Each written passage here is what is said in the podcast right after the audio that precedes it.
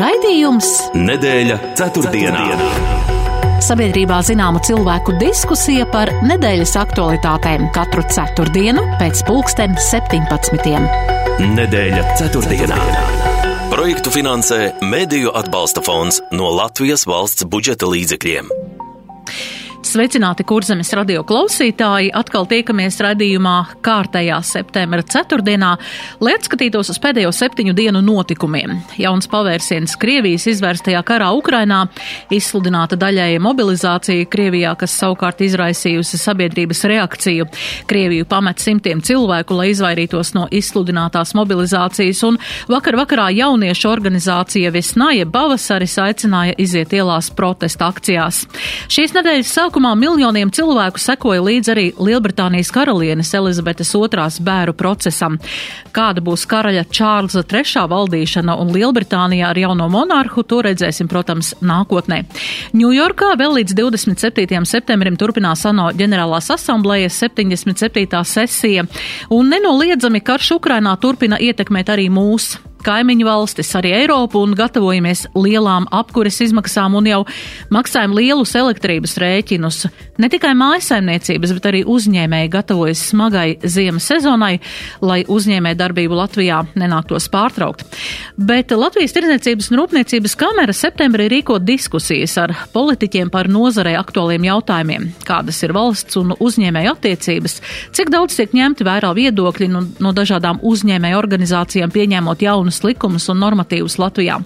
Un šajā pirmdienā e, tomēr atsākās arī darbs mācību iestādēs, jo valdībai izdevās rast kompromisu ar izglītības darbinieku arotbiedrību, bet savas prasības šonedēļ izvirzījusi mediķu arotbiedrība arī iz, mm, izsludinot mm, tādu informāciju par protesta akciju jau nākamnedēļ. Un visiem notikumiem paralēli, protams, gatavojamies vēlēšanām, kas notiks jau nākamajā sestdienā, 1. oktobrī.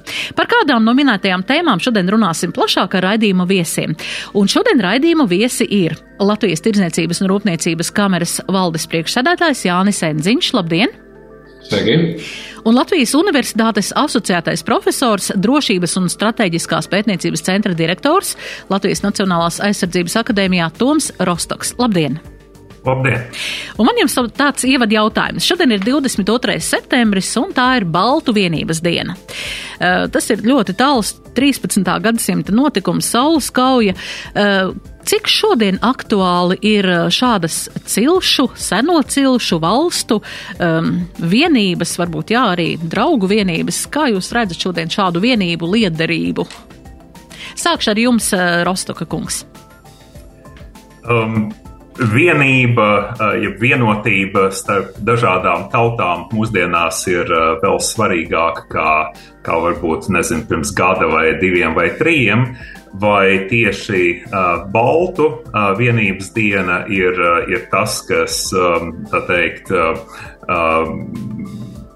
nu, mudinātu cilvēkus būt vienotākiem, raugoties atpakaļ vēsturē, tas ir cits jautājums. Uh, Nu, bet, eh, ja mēs skatāmies uz, eh, uz notikumiem pasaulē, tad um, um, nu, mums Eiropas Savienībā un NATO ietveros vienotība ir svarīgāka nekā uh, jebkad agrāk.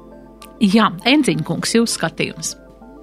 Jā, nu es pamatā piekrītu tam, ko Rosta kungs minēja, un jāsaka, ka šajā, šajā laikā, nu, gan mēs tiešām arī redzam visas pasaules tādu vienotību pret Krievijas šo agresiju un tādu solidarizēšanos atbalstam Ukrainai, un, un īstenībā tā ir tāda, nu, pārsteidzoši pozitīva, un īstenībā arī ļoti liels pārsteigums arī, arī man personīgi, cik, cik pasauli kopumā ir vienota, cik, cik Eiropas Savienība īstenībā lielā mērā tomēr šobrīd jau ir vienota.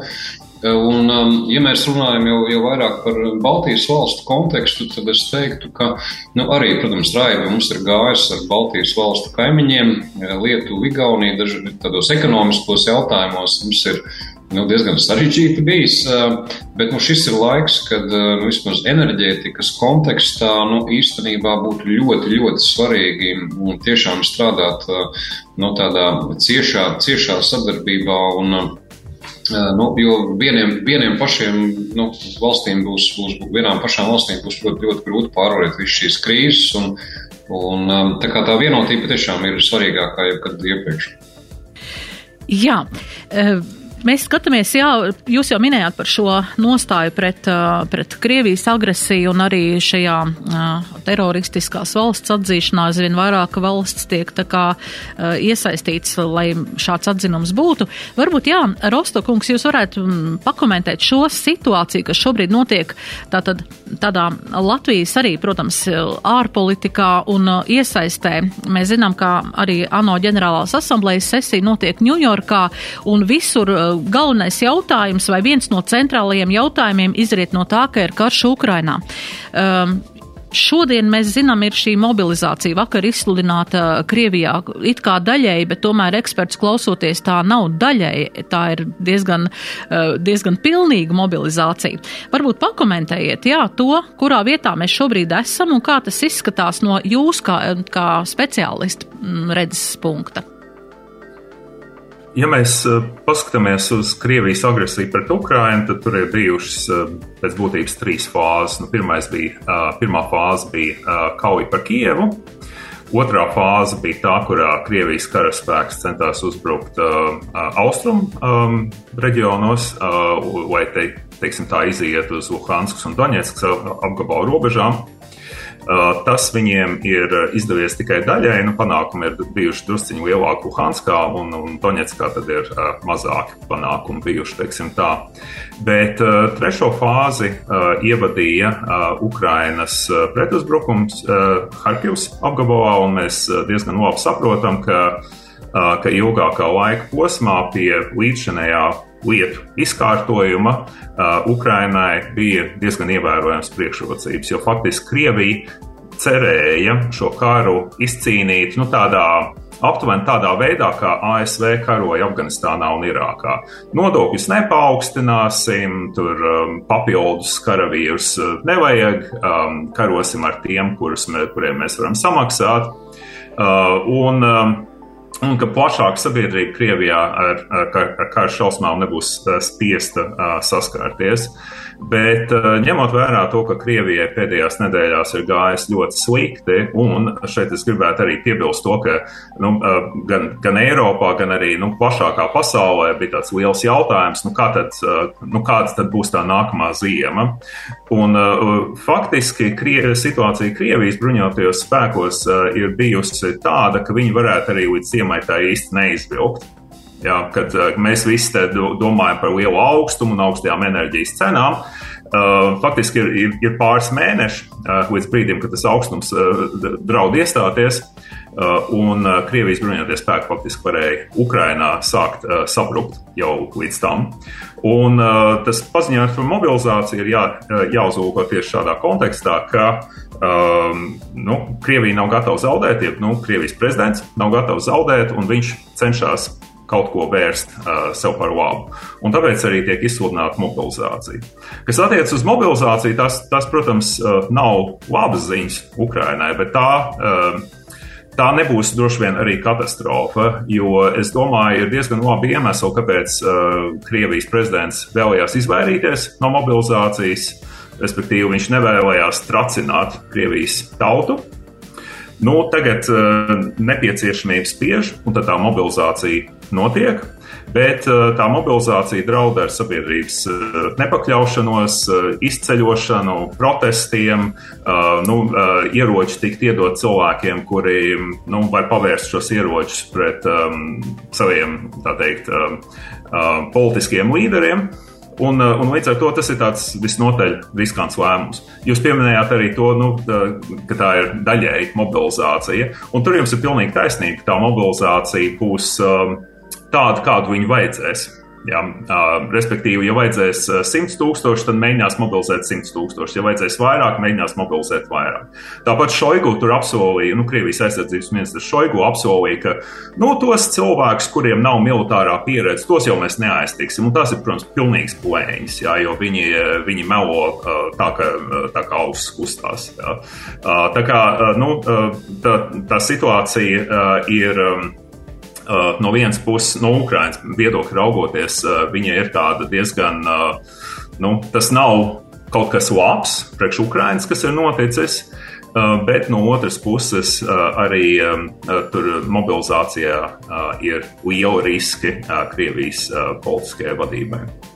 Jā, nu skatoties arī, ka tomēr ir, ir cilvēki, kas iziet ielās, kas uzdrošinās iziet ielās. Un, um, nu jā, ņemot vērā arī, ka viņi rēķinās ar to, kāds varētu būt uh, sekas tam, ka viņi ir ielās izgājuši.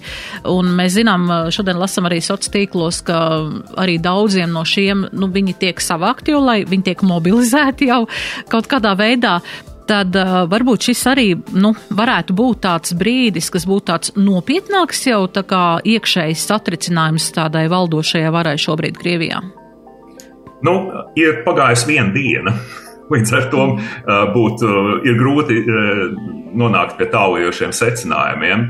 Bet, bet par tiem protestētājiem Krievijā, nu, es, es domāju, ka daudziem cilvēkiem, gan, uh, gan Ukrainā, gan arī uh, Eiropas Savienības un NATO dalību valstīs, ir, ir tāda diezgan piesardzīga attieksme pret, uh, nu, pret šiem protestētājiem. Jo no vienas puses, jā, tur ir, nu, ir kaut kāda simpātija pret šiem cilvēkiem, bet no otras puses, Tikmēr, kamēr Krievijas karas, karaspēks uzbruka Ukrainā, tur nogalināja Ukraiņus, novīcināja pilsētas un ciemus līdz ar zemi, uh, nu, tā teikt, uh, ņirgājās par Ukraiņiem, spīdzināja, izvaroja un tā tālāk. Tikmēr šie cilvēki ielās tā īsti negāja.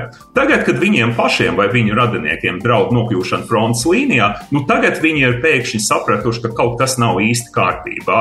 Un šeit, ziniet, nu, man personiski simpātijas pret, pret tiem protestētājiem Krievijā ir, nu, nav liels, teiksim tā. Mm -hmm.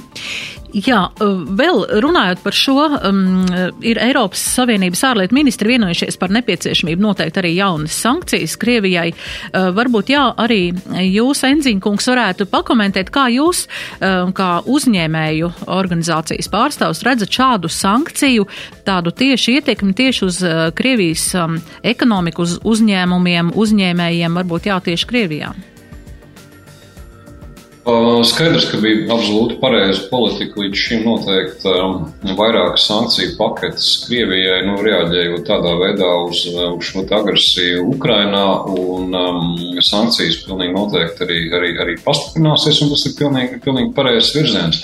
Nu, tas, tas, kas ir jāņem vērā, ka arī šobrīd izskatās, ka nu, šīs ekonomiskās sekas Krievijai vēl varbūt pat nav tik varbūt smagas, kā gribētos viena iemesla dēļ. Proti, jā, viņi ir pazaudējuši daudzas investīcijas, daudzas nu, īpaši jau piegādātājus un tam līdzīgi. Un tam līdzīgi. Ja tajā pat laikā viņiem, nu, Krievijai ir nu, milzīgs ieņēmuma avots, nu, šie energoresursi. Ja, un, Attiecīgi, faktiski tā ir viena no tādām fundamentālajām Krievijas arī īstenībā problēmām, ka viņu ekonomika lielā mērā balstās tieši uz, uz energoresursu tirzniecību. Un, um, nu, te ir jāsaprot, ka pat um, ņemot vērā, ka šie jā, apjomi uh, gāzē, piemēram, ir nu, krasi samazinājušies šīs piegādes uz, uz, uz Eiropu, īpaši tajā pat laikā nu, uh, gāzes cena ir uzskrējusi pilnīgi debesīs. Ja? Un, un, un, un tas faktiski nozīmē to, ka, ka Krievija tirgojot īstenībā daudz mazāku gāzes apjomu, tāpat tiek pie nu, ļoti ievērojamiem finanšu resursiem. Un, nu, es teiktu, ideālā versijā, ideālā versijā šo situāciju nu, tādu ļoti nopietnu padarītu apstākļus, ja izdotos nu, pasaulē panākt, ka nu, šīs te, nu, gāzes, gāzes, gāzes cena globāli samazinās, īpaši jau, īpaši jau Eiropas pusē. Un, Un, un tad jau tirgojot mazākus apjomus, nu, arī Krievija justu daudz, daudz būtiskāku ietekmi uz, uz savu, savu ekonomiku. Tagad sanāk, jā, ka viņiem tā kā nokompensējās, viņi kā mazāk piegādā, tādā veidā radot problēmas, protams, Eiropas Savienības valstīm. Un ne tikai, bet tajā pat laikā viņi iegūst milzīgas finanšu resursus dēļ, nu, piemēram, gāzes cenas kāpuma. Ja? Tā kā, ja izdotos, nu, bet, kā saka, globāli šo gāzes cenu dabūt, dabūt lejā, nu, tad, tad, jau, tad jau tā situācija, nu, Krievijā palika, nu, pagalam bēdīga. Jā. Nu, es ceru, ka, ka liel, lielvaras aktīvi strādā, un es domāju, arī mēs tagad esam nu, tādā mazliet šokā visi par, par, par gāzes cenām, um, kādas viņas ir Eiropā un tajā skaitā Latvijā.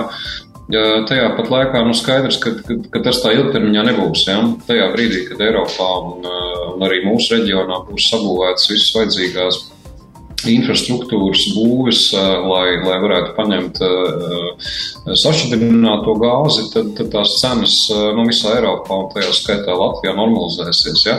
Bet, nu, protams, ka tur vajadzīgs laiks, lai uzbūvētu termināļus, ir vajadzīgs laiks, lai uzbūvētu kuģus, ar kuriem piegādāt gāzi uz, uz, uz Eiropu kopumā. Nu, tas kādu laiku paņems. Ja? Un eh, nu, tajā brīdī, kad gāzes cenas nokritīsies, tad ar šiem mazajiem apjomiem nu, Krievijai būs nu, mega izaicinājums. Kā savākt to, ka tā pārējā ekonomika lielā mērā nu, ļoti bēdīgā situācijā, un arī ar tiem energoresursiem ir, ir pagrūti nu, kaut ko sapelnīt. Kā, bet nu, šobrīd, šobrīd tā sarežģītā situācija, protams, arī, arī, arī visā Eiropā, un tajā skaitā mums, un to mēs ļoti labi redzam. Jā, mēs aiziesim mazā reklāmas pauzītē, un tad turpināsim. Nedēļa ceturtdienā.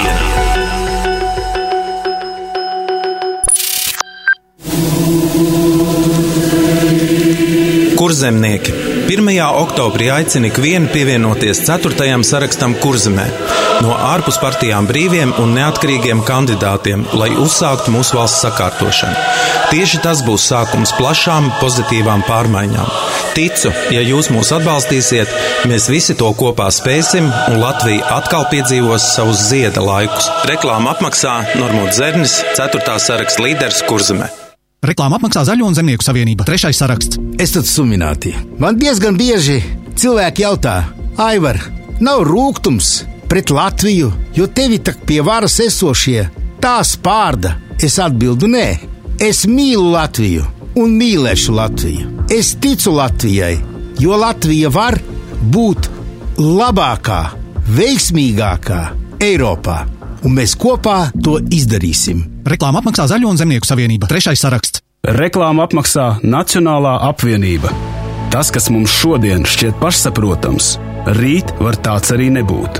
Viss ir mūsu pašu rokās. Saglabāt bērniem to, kas mūsu tautai vērtīgs, vai likt to uz spēles, noticot jauniem laimes lāčiem un ātru brīnumu recepšu solītājiem. Nacionāla apvienība vienā valodā par patiesi būtisko. Reklāmu apmaksā Nacionālā apvienība 11. saraksts. Nedēļa ceturtdienā. Un mēs tur, turpinām sarunu ar raidījumu viesiem, un tie šodien ir Jānis Enziņš un Toms Rostoks. Jā, Rostokungs, es vēlos jums uzdot šādu jautājumu, runājot arī par šīm Eiropas Savienības sankcijām.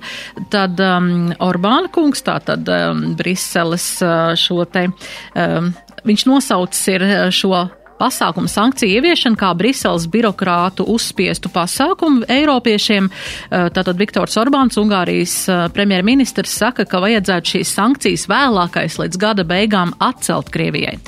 Kā jūs šo komentētu šādu viedokli? Um, man ir. Um... Uh, nu, daudziem cilvēkiem ir bijis pārsteigums um, Ungārijas nostāja, jo Nu, no vienas puses, Ungārijai ir bijušas gan ciešas attiecības ar Krieviju, un tur tās simpātijas ir bijušas arī apusējas. Bet nu, tomēr bija cerība, ka tajā brīdī, kad klajā nāk visa tā informācija par Krievijas pastrādātajām zvērībām Ukrajinā, ka Ungārija tomēr uh, liksies mierā un sapratīs, uh, nu, teiksim, kas, kas ir pareizi un kas nav pareizi. Jo nu, šis ir tāds laiks, kad tu, tu nevari īsti uh, nostā, uh, nostāties tādā pozā un pateikt, ka nu, uh, nevienam jau īsti nav taisnība. Nē, nu, šis ir tāds brīdis, kad tomēr ir ļoti skaidri jāpauž uh, savu attieksmi. Ir, ir grūti pamatot uh, viedokli, ka, uh, nu, ka sankcijas, kas ir vērstas pret Krieviju, vajadzētu kaut kādā veidā uh, atcelt. Uh, Eh, bet eh, nu, eh, es, tas, tas, ko es domāju, ir, ka beigu beigās tomēr Ungārijas nostāja varētu diezgan ietekmēt gan tas, ka, ka viņiem ir apturēti maksājumi Eiropas Savienības ietvaros, jā, nu, teiksim, tur ir kaut kāda finansiālā sāpe, kas Ungārijai būs jācieš. ir, ir runas par to, ka ka Eiropas Savienībai vajadzētu faktiski atteikties no vienprātības principa ārpolitikā un, un drošības politikā. Bet nu, tas ir vairāk nākotnes jautājums. Bet es domāju, ka šeit ir vērts atgriezties atpakaļ pie tā, ko Enziņkungs minēja iepriekš, proti, ka, ka faktiski neatkarīgi no tā, ko Uh, nu, kāda ir Ungārijas nostāja vienā vai otrā jautājumā. Tomēr Krievijas ekonomiku sagaida ļoti, ļoti smags laiks nākotnē. Jo, jo tas uh, sankciju apjoms, kas ir vērsts pret Krieviju, nu, tam nav precedents uh, vispār uh, laikā pēc otrā pasaules kara. Jo, piemēram, pirms Krievijas iebrukuma uh, runa bija par to, nu, vai tur Krievija varētu atslēgt no SWIFT, sistēmas, uh, nu, finanšu transakciju sistēmas vai nē.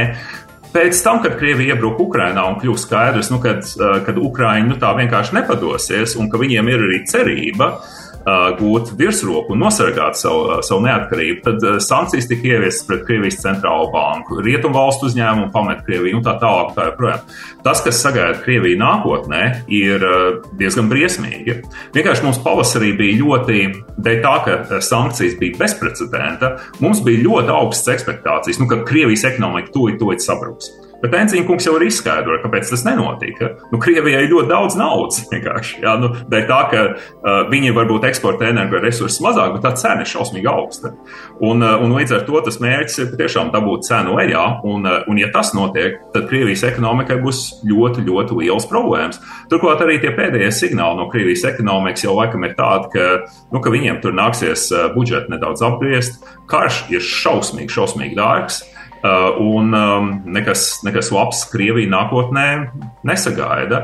Bet savukārt, kas attiecās uz Ungāriju, tad tomēr ir uh, Eiropas Savienības ietvaros, tas ir tāds uh, pastāvīgs, pacietīgs darbs, um, veidojot dialogu ar, ar Ungāriju. Un es šeit gribu atgādināt, ka tomēr pret Krieviju sankcijas tika ieviestas jau 2014. un 2015. gadā, un viņas ir ik pēc pusgada jāatjauno. Un tā jau nav viena sankciju pakete, tās ir daudzas sankciju paketes, līdz ar to tās sankcijas visu laiku, līdz pat 2022. gadam, viņas tiek atjaunotas.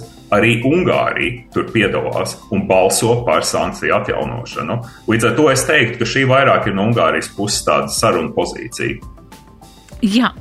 Es jau minēju raidījuma sākumā, ka notiek arī šajā brīdī ANO ģenerālās asamblējas 77. sesija Ņujorkā līdz 27. septembrim, un uh, Igaunijas prezidents ir protams, izteicies to, ka Krievija ar veto tiesībām paralizē ANO drošības padomas darbu.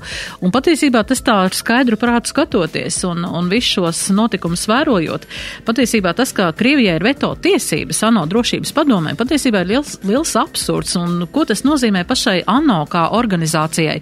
Uh, tur steidzīgi būtu kaut kas jāmaina, vai tas ir iespējams?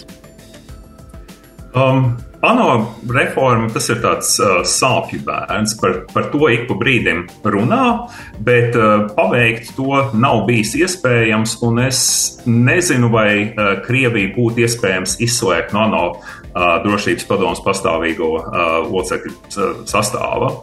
Um, protams, to var mēģināt izdarīt, bet atkal tas, tas nekad nav noticis. Arī, uh, bet, uh, bet ir jāatcerās arī tas, ka faktiski Mūsu atskaites punkts ir ANO drošības padome pēc augstā kara beigām, kad uh, lielvaras spēja kaut kādos būtiskos jautājumos šad un tad vienoties. Bet, ja mēs paskatāmies atpakaļ uz augstākā periodu, tad jau ASV un PSRS ne par ko īpaši daudz nespēja vienoties. Bet nu, šobrīd mēs atkal esam tādos diezgan īpašos apstākļos. Es jau minēju par tām sankcijām, tas ir bezprecedenta sankcijas pret Krieviju. Nu, uh, tagad, protams, ir arī balsis, kuras aicina uh, atrast veidu, kā Krieviju izslēgt no ANO drošības padomas. Es, protams, to ļoti atbalstītu, bet, eh, bet pieņemsim, pat ja Krievija izslēgs no ANO drošības padomas, tas jau nenozīmē, ka situācija Ukrainā automātiski uzlabosies. Tur tomēr ir arī Ķīna ANO drošības padomē, un, eh, un līdz ar to tas eh, Tas būtu tāds solis ar tālajošām sekām, bet mēs īsti nezinām, kā tas, kā tas darbotos tālāk nākotnē. Bet nu, vismaz ASV nostāja, cik es zinu, ir, ka viņi labprāt vēlētos uh, paplašināt ANO drošības padomus um, locekļu sastāvu, jā, iekļaujot jaunas valsts, kas ir. Um, Līdzīgs piedāvājums tam, kāds tas ir bijis iepriekš, jau pirms gadiem 15 vai 20. Jā, vēl šodien arī vakar Zelenskungs pats uzstājās arī ANO drošības šajā ANO asamblējas sesijā un uzrunāja arī klātesošos. Arī viņa uzstāšanās un dalībai attālinātā formātā patiesībā mēs redzam, tas balsojums bija, nu, nebija tik viennozīmīgs, ka visi ļoti gribētu to un pieļautu to. Tā kā tur arī tas balsojums un tas valstu, tas tā nosliec, ka, nu, kam par labu tur ir diezgan arī tāds vērtējams patiesībā atšķirībā faktors, vai ne? Jā, nu, tā, um, nu, tā viena problēma, ko mēs varbūt reizēm Eiropā neredzam, ir, ka pasaule ir krietni, krietni mainījusies. Un, uh, piemēram, mums, Baltijas valstīm, Ukraina, karš Ukrainā ir šausmīgi, šausmīgi svarīgs. Tas, uh, ja Krievija būtu guvusi uzvaru, ātru uzvaru Ukrainā, tad tas, kas varētu sagaidīt mūs, nu, tas laikam nebūtu nekas labs. Bet, uh, ja mēs skatāmies tālāk pasaulē, Es domāju, ka ir ļoti daudz valsts, kurām ir diezgan vienalga. Ja? Nu, Eiropieši tur savā starpā karo. Nu, lai viņi karo, Um, lielai daļai pasaules valsts ir savas ekonomiskās intereses. Piemēram, kara apstākļos Indija iepērk naftu par lētāku cenu nekā parasti jā, no, no Krievijas. Uh, viņiem šis karš pat kaut kādā ziņā ekonomiski ir um, bijis samērā izdevīgs. Tas nenozīmē, ka viņiem tas ilgtermiņā būtu izdevīgi, bet viņi tur saskata kaut kādu savu izdevīgumu.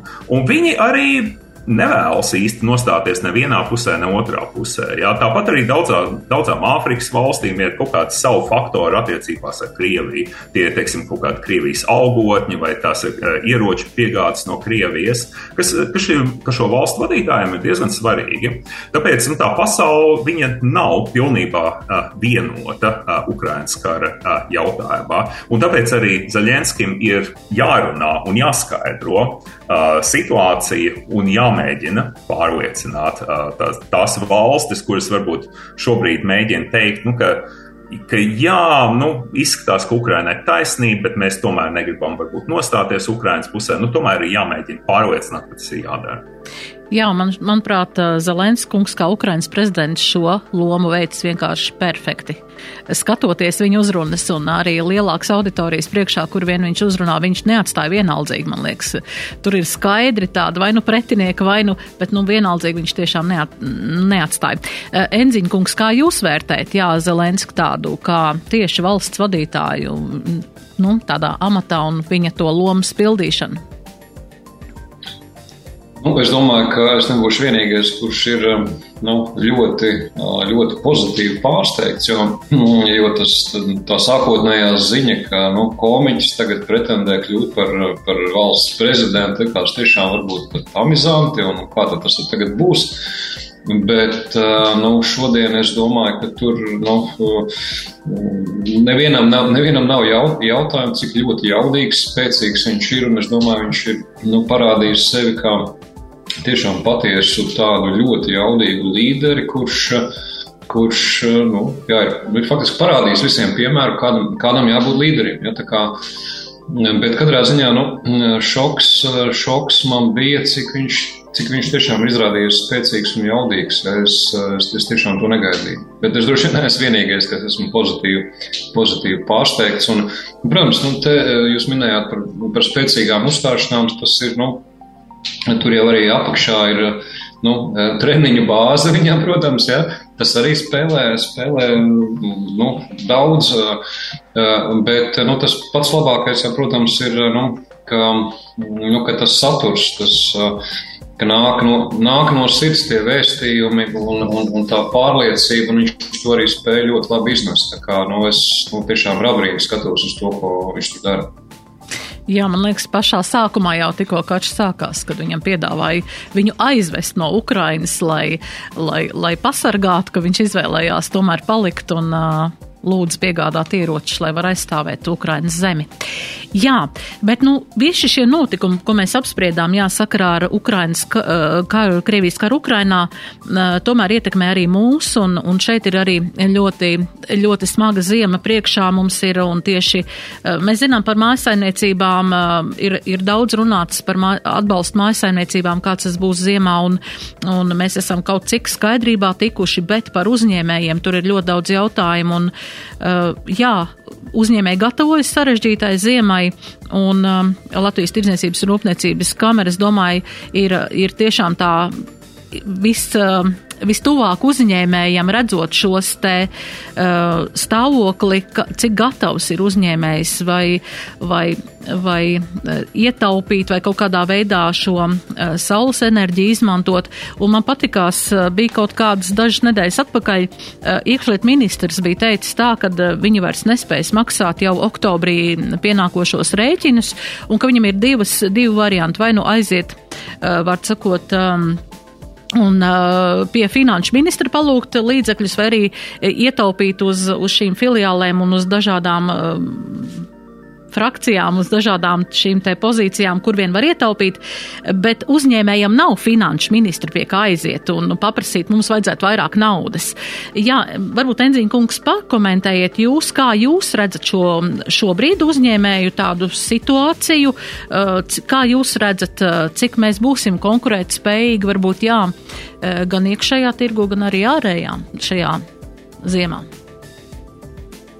Jā, nu jūs, jūs jau pareizi minējāt, uzņēmējam faktiski pašam ir, pašam ir jādomā un ne, nevar aiziet jā, pie finanšu ministra pēc, pēc, pēc kādas palīdzības visām problēmām, bet nu, labā ziņa tā, protams, ka uzņēmēji ir ieraduši dažādām krīzēm iet cauri un, un nu, visi, visi ir iemācījušies un uztrenēti, ka ka nu, slīdēja glābšana ir pašas slīdēja rokās parasti.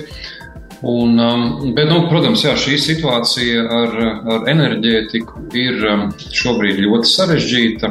Uh, jāsaka, ka, nu, protams, ka bija sagaidāms, ka enerģijas cenas um, palielināsies, bet, uh, nu, ja mēs varam, nu, piemēram, to pašu gāzi paskatīties, ja, tad tas uh, palielinājums, nu, nu, viņš ir nu, milzīgs. Viņš ir milzīgs. Tīri, tīri ciparos, ja es pieļauju, ka klausītāji būtu mazāk, mazāk seko līdzi tām, tām, tām, tām cenām. Un, un, bet, nu, ja tur bija kaut kur 20 apmēram, eiro par megawatu stundu, tad tagad vienā, vienā brīdī biržas cenas tur bija nu, 300, 400, 500. Nu, tas ir vairāku desmitu reižu palielinājums. Un, un tad ir jāsaprot, un arī es domāju, ka katrs no klausītājiem var saprast, nu, ko nozīmētu, ja pēkšņi būtu jāmaksā par, par gāzi 20 reizes vairāk nekā ir maksāts. Jā, mēs tur tagad runājam par pieaugumiem, nezinu, 50, 60, varbūt 100%, divreiz vairāk. Jā.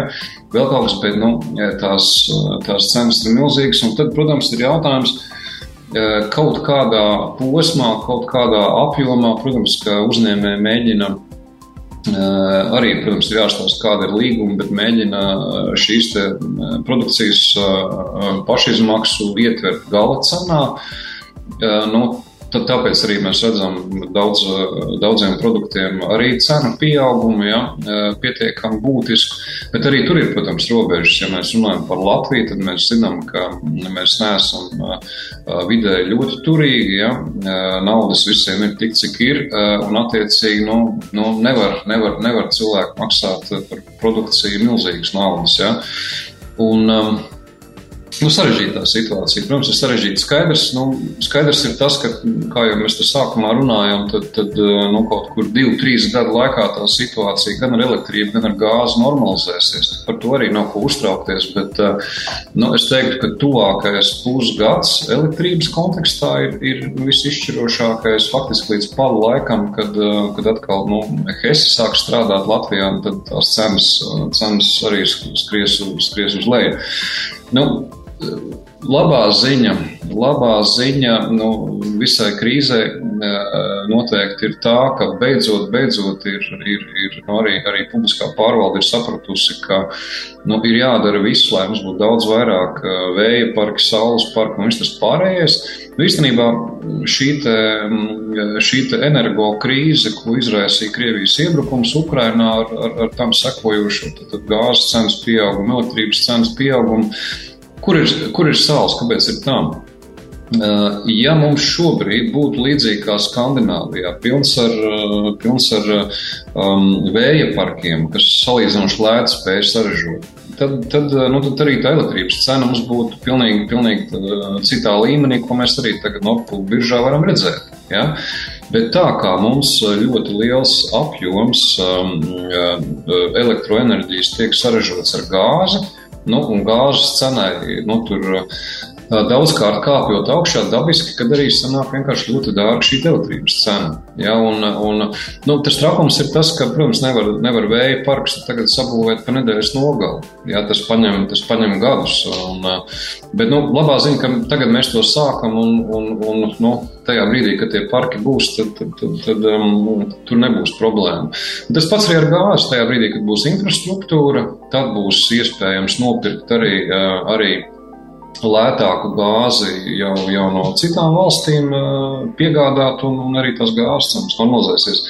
Bet šobrīd īstenībā ir tā, ka ir nepieciešami nu, tagad, eh, šobrīd eh, atbalsts arī, arī uzņēmumiem, ja vien valsts nav gatava nu, maksāt, maksāt jau, jau krietni lielāku rēķinu um, nu, bankrotu gadījumos, atlaišanu gadījumos un tam līdzīgi. Ja šobrīd vēl, vēl biznesa balansē, bet nu, mēs redzam, ja nebūs atbalsta rīki, es domāju, ka būs nu, pietiekami daudz, daudz kritušie. Bet nu, šobrīd mēs arī ļoti aktīvi strādājam, strādājam pie tā, lai, lai, lai, lai būtu atbalsta rīki arī pietiekami biznesam, lai, lai, lai šo laiku, šo pusgadu varētu pārdzīvot. Jā, man vēl tāds jautājums. Um, Latvijas tirdzniecības un rūpniecības kamera uh, rīko arī šīs diskusijas ar politiķiem, ar politiskiem spēkiem. Uh, cik daudz politiķi vispār ieklausās tajā, ko jūs sakat, jo jūs tomēr esat viņu šie partneri, ar ko apspriest uh, gan nodokļu politiku, gan kādus likumus ieviest, gan visādā veidā jūs esat viņu tā kā, nu, tā kā padomnieki, konsultanti, zinot to, um, to drēbi, kas ir, kas ir uzņēmējs, jo uzņēmējs nenoliedzami piedalās visā valsts un ne tikai valsts, bet nu, šajā ekonomikas asinsritē. Um, jā, cik jums ir rezultatīvas šīs, kā jums, cik daudz jūsos ieklausās politiķi, kas, um, kas ir pie lemšanas? Uh, nu, man jāsaka, ka šī nu, man ir īstenībā iespēja salīdzināt. Uh, salīdzināt bijis jāstrādā ar, ar dažādām valdībām, dažādiem ministriem uh, pietiekami ilgu laiku. Tad, tad jāsaka, ka šī valdība īstenībā ir nu, bijusi uh, nu, tāda, kura vairāk vai mazāk pati ļoti labi zina, kas uzņēmējiem vajadzīgs, pati lemj. Un, un, nu, protams, ka mēs piedalāmies tāpat valdības sēdēs un, un, un rakstam atzinumus un, un tā, bet, bet jāsaka, ka tā, ka tā iesaista lēmumu pieņemšanā nu, nav bijusi tik dziļa, nu, kā mēs sagaidītu. Ja? Protams, ir daudz lietas, kuras, kuras izdodas panākt, un, bet te ir jāņem vērā, ka ir nu, tāds arī nu, jautājums par dinamiku. Ļoti daudz ir tā, ka, ka mēs saulēcīgi, saulēcīgi norādām uz vēlamo risinājumu, tad pirmā brīdī nu, politiķi paši lemj, kā tad ir labāk. Nu, un tad pēc kaut kāda laika nonāk pie tām pašām mūsu rekomendācijām, tikai nu, jau laiks ir pagājis. Tā kā, nu, man ir grūti atbildēt, cik ņem vērā, neņem vērā, bet, bet nu, tāda eh, ļoti, ļoti cieša sadarbība pilnīgi noteikti, pilnīgi noteikti šajā posmā nav. Pie kā man jā, jāsaka, ka mēs šeit esam diezgan nu, vienādās sajūtās, gan, gan mēs, Latvijas darbdevēja konfederācija, citi valdības sociālajiem sadarbības partneri. To pašu saka Brīvā arotbiedrības savienība, to pašu saka pašvaldības savienība. Zinātņu akadēmija. Mēs, eh, mēs, mēs esam konstatējuši, jā, ka šī, šī valdība nu, ir, ļoti, nu, ir vairāk tas ļoti formāls uzklausīšanas process, un tā iesaiste nav, nav tāda, kādu, kādu mēs tiešām, tiešām sagaidītu. Um, jā. Jūs tiekaties arī ar jauniem politiķiem, kas gatavojās ienākt politikā, vai vismaz ir kāda cerība, ka būs, varētu būt kaut kas veidoties labāks, ja scenārijs būtu tāds vai tāds vai tāds, vai jūsos šobrīd cenšas ieklausīties? Um, nu mēs, jā, mēs, esam, mēs esam tikušies faktiski gan ar, gan ar esošām koalīcijas partijām, gan ar, gan ar dažād, dažādām jaunām partijām. Un šobrīd, pirmsvēlēšana laikā, nu, visi jau saka, ka, ka nu, tā kā bija, nebūs. Mēs, mēs turpmāk ļoti labi sadarbosimies un, un, un, un, un viss būs kārtībā. Nu, nu, gribās ticēt labajam, ka tas tiešām tā arī būs. Jo, Jo nu, te ir tā lieta, ka, nu, ja mēs saprotam, ja, ja mums sāp zobs, tad mēs ejam pie zobārsta. Ja? Tad viņš tā kā labāk zina, nu, ko tur darīt. Nu, ja, ja, ja politiķim šķiet, ka viņš labāk zina, ko tur vajag uzņēmējiem, par pašiem uzņēmējiem, nu, nu, tad, tad sanāk kā sanāk. Ja? Un te jau arī jāņem vērā, ka, ka šīs lielās organizācijas, nu, kā Tirzniecības rūpniecības kamera un pārējās minētās, uh, Mums jau arī tā nonākšana līdz kopīgām rekomendācijām nav nemaz tik vienkārši, jo uzņēmēji ir lieli un mazi no vienas nozares, otras nozares ar dažādiem kapitāliem, intereses ir dažādas, un salikt kopā to gatavo recepti, nu, kas tad ir tas uzņēmēja viedoklis, arī nemaz nav tik, nav tik vienkārši. Tas pats ir arotbiedrībām, pašvaldībām un tā tālāk un tā joprojām. Tā kā, nu, tas, ko, tas, ko mēs redzam, ka lielā mērā šī valdība diemžēl nav izmantojusi varbūt tās iespējas, ko, ko šīs organizācijas nu, var iedot to savu, to savu kompetenci klāt.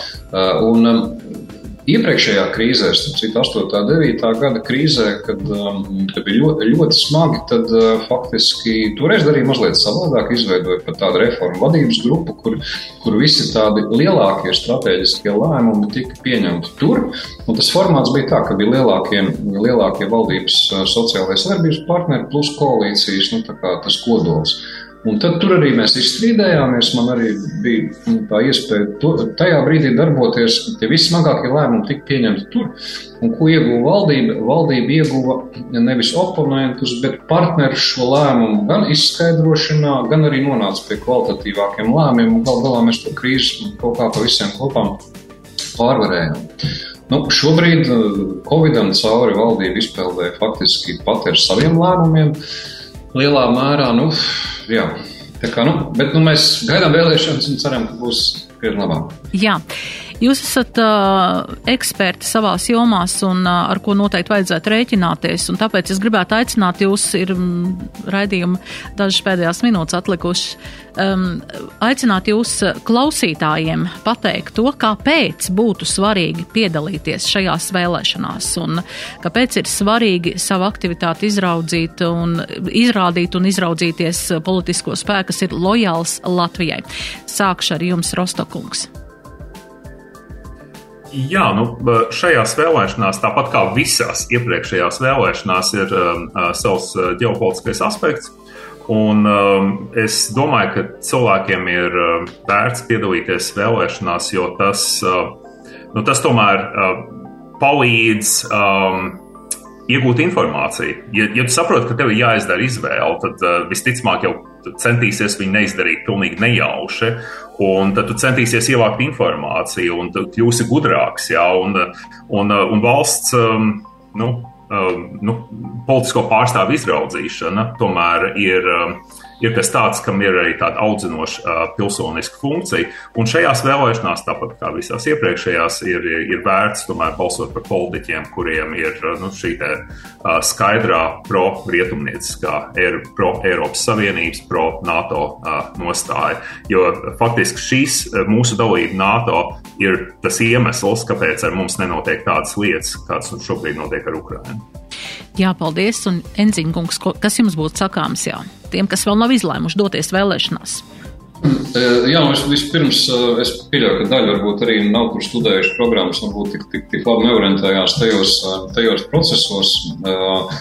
Mēs, mēs piecas organizācijas, tad, tad um, minētie valdības sociālajā sadarbības partneri, esam, esam katrs arī uztaisījuši tādu savu reitingu um, visām vismaz lielākajām partijām. Un, un, un ja, ja, ja kādam ir šaubas vai, vai, vai teiksim, kaut kādas izvēles, par, par, ko, par ko balsot, vai, vai, vai tam līdzīgi. Pirmdien mēs, mēs arī šo, šo, šīs savas dažādas pārdomas arī, arī atklāsim. Tur var paskatīties, nu, kāds ir šo organizāciju viedoklis, tas ir viens. Bet kāpēc jāiet uz vēlēšanām, man liekas, ļoti precīzi pateica bijusī valsts prezidenta Vaira Vīķa Freber. Tas šobrīd patiešām ir nu, tāds drošības jautājums, ir jāiet uz vēlēšanām. Tā kā, uz vēlēšanām ir jāiet un uz savu, savu izvēli jāizdara. Jā, paldies jums šajā vakarā par sarunu, uh, paldies par viedokļiem un paldies, ka klausītājiem atklājāt un skaidrojāt kādus jautājumus, varbūt par ko nebija īsti varbūt kādreiz domāts. Un um, novēl jums jā, brīnišķīgi tādu pavadīt šo atlikušo nedēļas uh, darba dienu tādu daļu un, un arī, lai izdevušās brīvdienas. Un klausītājiem atgādināšu, ka šodien raidījuma viesi bija Latvijas Tirdzniecības un Rūpniecības kameras valdes priekšsēdētājs Jānis Enziņš. Paldies jums, Enziņkungs! Un Paldies. Latvijas Universitātes asociētais profesors, drošības un strateģiskās pētniecības centra direktors Latvijas Nacionālās aizsardzības akadēmijā Toms Rostoks. Paldies jums arī, Rostokungs. Jā, par skaņu rūpējās mana kolēģe Adelīna Anna Ziemele, raidījuma producente Anda Andersone, raidījuma vadījies Dace Blūma un uz sadzirdēšanos turpmāk. Raidījums Nedēļa ceturtdienā. ceturtdienā. Sabiedrībā zināma cilvēku diskusija par nedēļas aktualitātēm katru ceturtdienu pēc pulksten 17. Nedēļa ceturtdienā. Projektu finansē Mēdīju atbalsta fonds no Latvijas valsts budžeta līdzekļiem.